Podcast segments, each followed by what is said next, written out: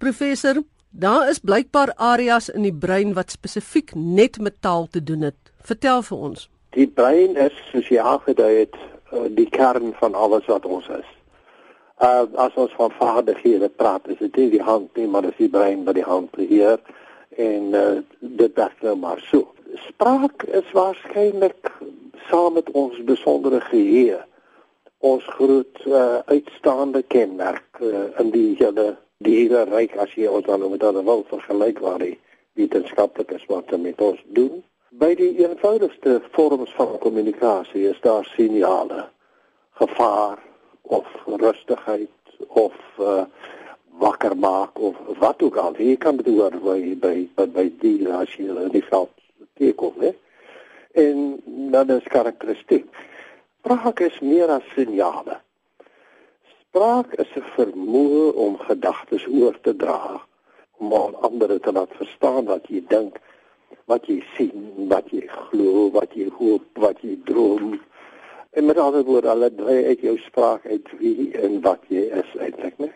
Voor ons verder gaan, maak die brein ook onderskeid tussen spraak en taal. Hy moet 'n onderskeid maak want verskillende tale het verskillende simbole.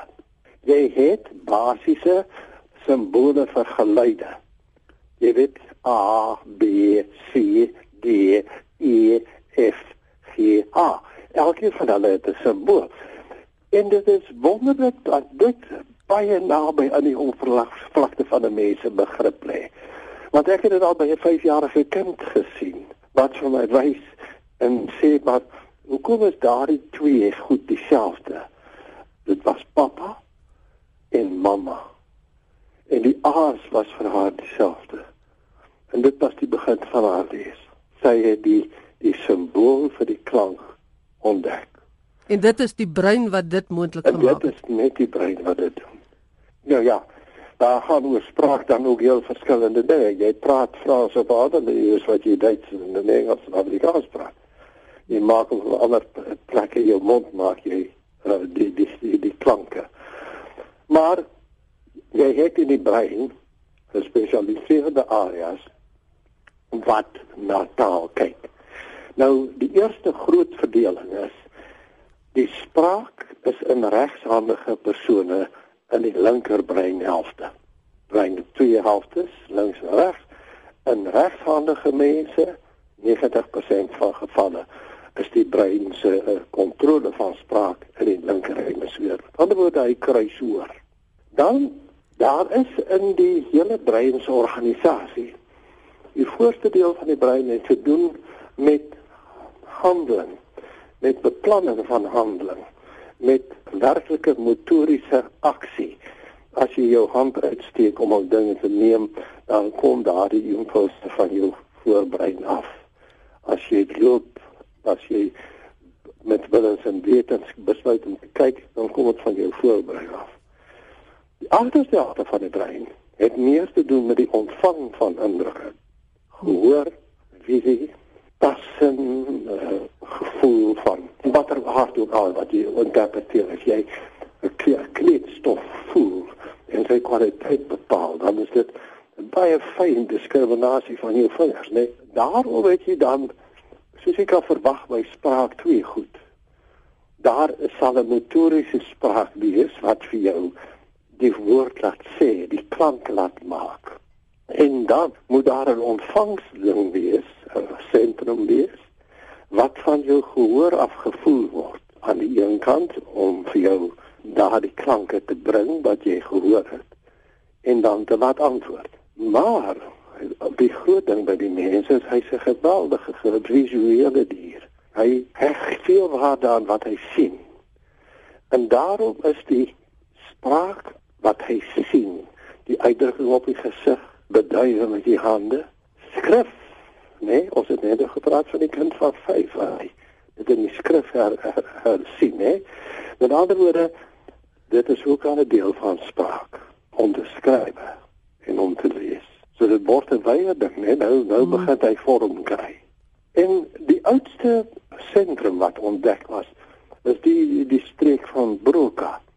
Die lê in die laagste deel van die voorbrein En die konvolusies van die brein daar's drie van hulle en hy lê in die onderste een, die verste agter. En dit is in pasiënte gevind waar hy beserings of bloedvat eh, afsluitings van daardie area gesien het.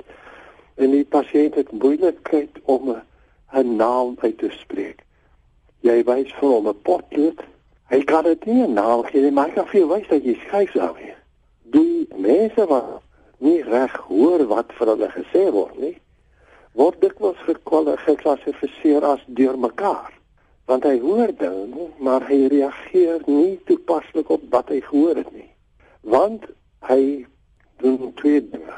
Hy hoor wat daar vir hom gesê word en hy interpreteer dit. Maar daardie boodskap mag nie gaan soos hy moet na die area van Broca toe wat verder voortbly nie.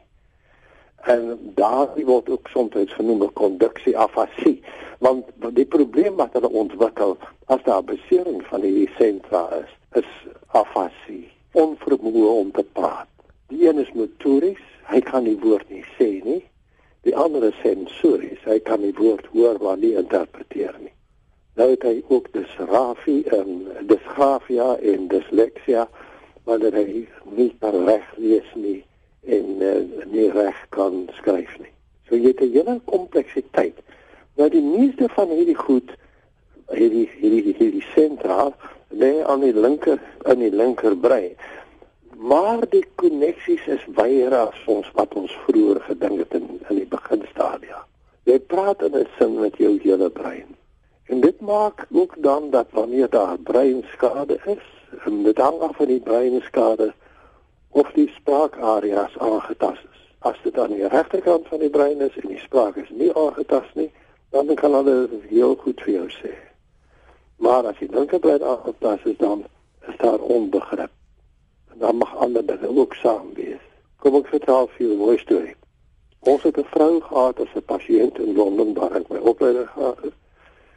Wat van die vasteland gekom het, eh, sy het haar lewe gewaak uit die intervertaling van Frans na Engels en Engels na Frans. En sy ontwikkel 'n gewas wat op daardie deel van die brein druk, die middeltemporale streek. En sy word al hoe onhandiger in haar spraak. En ons vind 'n nie kwaadaardige gewas en ons verwyder dit. En toe sê sy so mooi vir ons. My lewe was spraak. En ek was dood. En ek lewe weer. Want ons is ons lewe deur ons spraak, né? Kan dit gebeur dat 'n mens 'n voorwerp of iets kan sien en jy ja. jy jy sien dit so dit registreer in die brein. Jy weet hoe dit lyk, maar nou kan jy nie 'n naam kry daarvoor nie. Dit is dit is motoriese afasie. Dit is die Broca area, die anterior deel. Jy kan hom nie sy naam gee nie. Maar jy weet eintlik wat hy is. Jy weet wat dit is. Jy kan as jy as jy vir 'n pen wys Dan kan hy vir sy pen nie, maar as jy hom in sy hand sit, kan hy begin skryf met hom. Hy mag nie kan skryf nie, maar hy kan merkies en streepies met hom maak. Nou professor het nou gepraat van die Broca area en dan ook al gehoor mense praat van Wernicke. Wat is Wernicke dit dan? Die area is in die agterste deel van die temporale lob waar die in, in invoer kom van die oor af en die agterste deel van hom is weer nader aan die occipitale lob wat nou heel agter is wat nou weer te doen het met dit wat jy sien. So hy het te doen met lees dan ook met sy verder agter 'n uh, ekstensie uh, en en met gehoor. Nou is daar ook 'n interessante ding wanneer jy 'n woord uitspreek het daardie woord 'n sekere vorm in jou mond. Jy praat Frans verkeerd totdat jy leer om om jy reg te praat van jou mond te maak, hè? En die pasiënt uh, wat moeilikheid het daarmee kan nie eintlik sy woorde reg vorm nie. Maar hy hoor hom ook soms nie reg nie, dan praat hulle wat genoem word 'n jargon. Hy hy praat sommer 'n gebabbeltaal deur mekaar. As ek nou 'n spesifieke taal, sê maar Afrikaans, Ek het ja, nou ja. Afrikaans aangeleer van kuns af in hierdie dele in die brein en die funksies soos professor nou beskryf het, het ja. plaasgevind. Ja. Nou gaan ek en ek gaan bly nou in uh IJsland.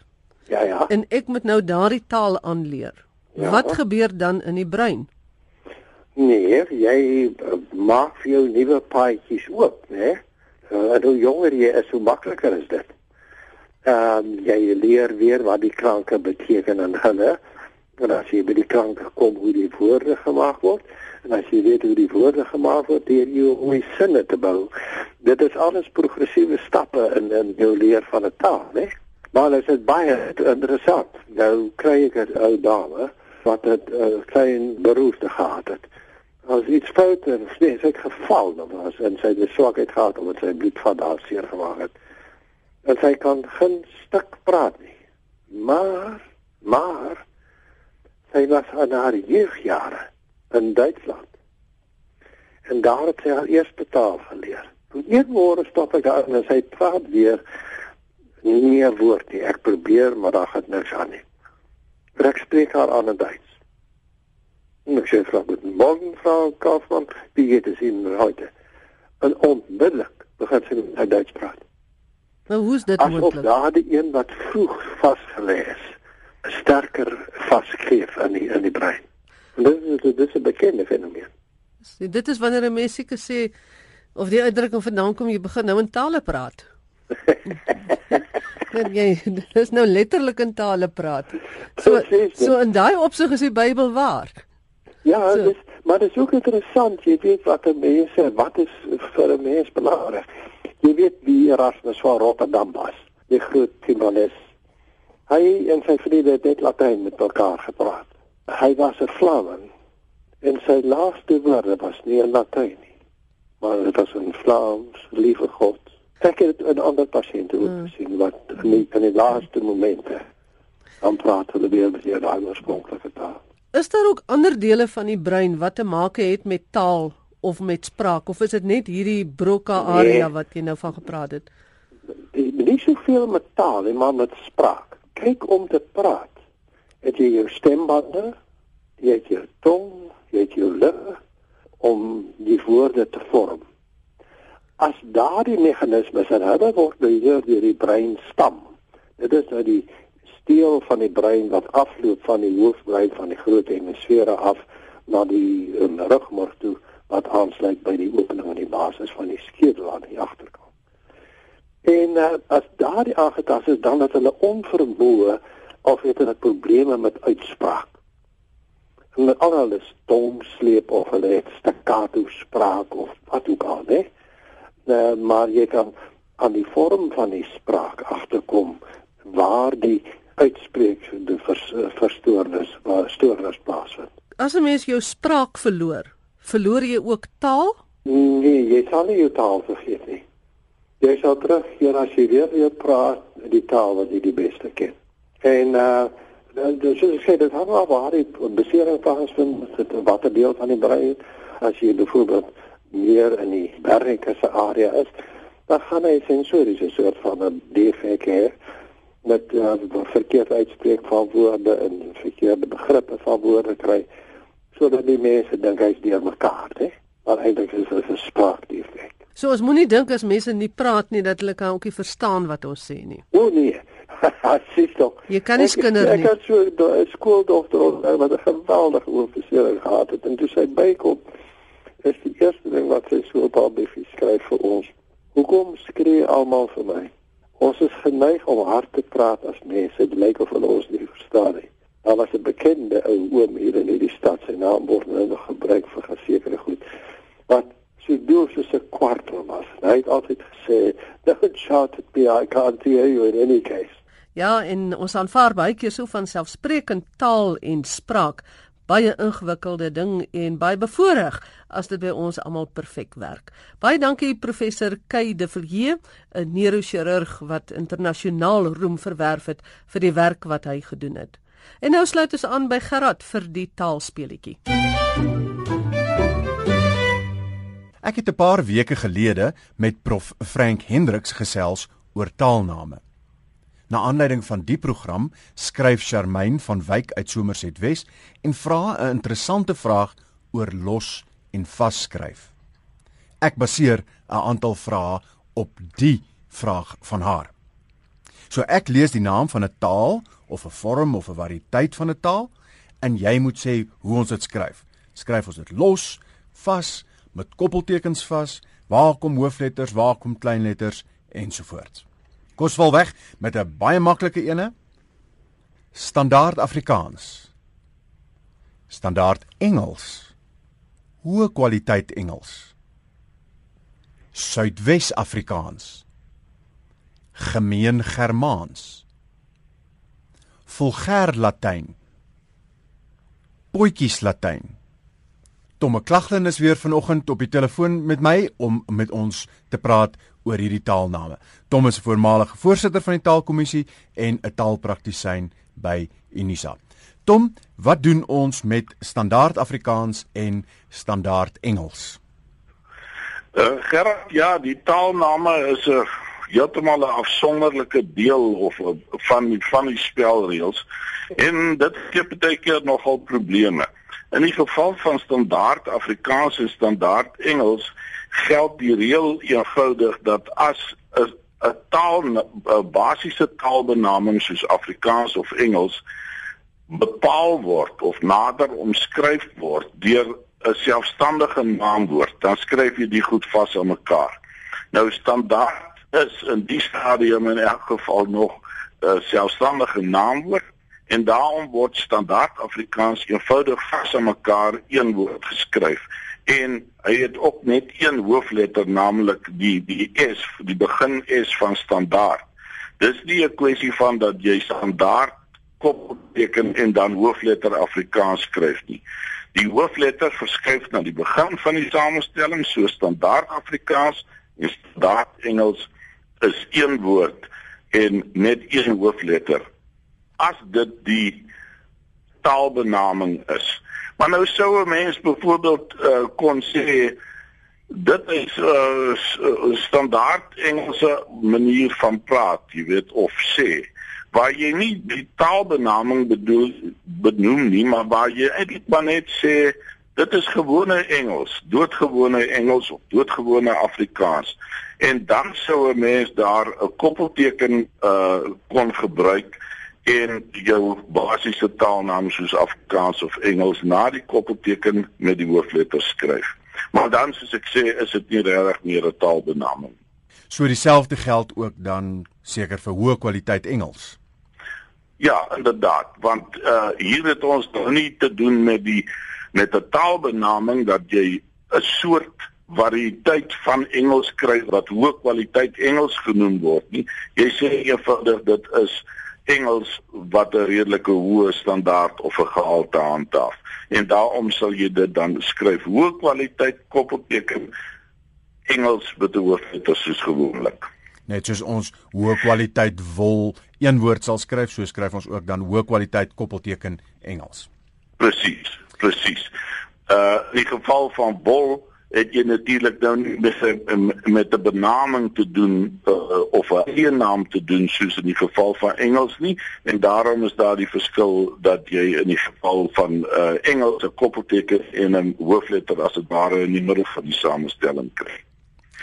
'n Ander reël van Afrikaans wat taalname betref is dat wanneer jy 'n geografiese naam kry soos in die geval Suidwes nou uh mense sal onthou dat Namibië in die ou dae Suid-Afrika genoem is en ons het sommer oor die algemeen gepraat van Suidwes. En dit is dus 'n geografiese naam wat verbind aan die basiese taalnaam en daarom word vasgeskryf Suidwes-Afrikaans. Dan kom ons by gemeen Germaans en vulgêr Latyn. Nou, dit klink sommer woes as jy 'n gewone byvoeglike naamwoord het wat onverbuig verbind met 'n basiese taalnaam, dan skryf jy hom ook vas. So hier is die basiese taalnaam Germaans gemeen word uh is 'n byvoeglike naamwoord, maar hy word nie verbuig gemeene nie. So gemeen Germaans vas aan mekaar een hoofletter en dit is die begin gee van gemeenskap. Uh, vulgêr Latyn natuurlik nou op dieselfde manier vulgêr word hier normaalweg sou mense sê 'n vulgêre grap of 'n vulgêre boek of so iets maar hier word nou onverboë gebruik en daarom word hy vasgeskryf aan Latyn vulgêr Latyn Nou hierdie vulgêr het niks te doen met uh, iets wat uh, kom ons sê nou maar onder die belt is nie. Dit beteken eenvoudig die taal wat volksspesifiek is wat die, die laere volksklasse gepraat is. Dit is dus iets wat ons eh, kom ons sê net maar min of meer sou kon vergelyk met ons Afrikaans. Dis die gewone spreektaal van die van die gewone mense gewees. Ons ken daardie stam ook in iets soos soos die Vulgaat van uh, die weergawe van die Bybel wat veral in die Katolieke Kerk gebruik word omdat dit die algemene weergawe was. En in hierdie geval beteken vulgêr dus doodgewoon die algemene taal van die gewone mense destyds in die uh, in die klassieke tyd. Dom en dan sluit ons af met potjies Latyn. Ja, dis ook nog 'n interessante een. Letterlik beteken dit iets soos aptekers Latyn. Potjies Latyn is 'n nie 'n baie korrekte vorm van Latyn wat geskryf is op die potjies en flessies en botteltjies wat aptekers en kwaksalvers en so aan van ouds gebruik is. So hier het ons eintlik te doen met 'n gebruikersnaam wat gekoppel word aan die basiese taalnaam en potjies Latyn word dus vasgeskryf ook net met een uh hoofletter naamlik die P van potjie. Tom, ek het sommer weer 'n klomp goed geleer vandag. Baie dankie. Ons praat graag 'n volgende keer verder.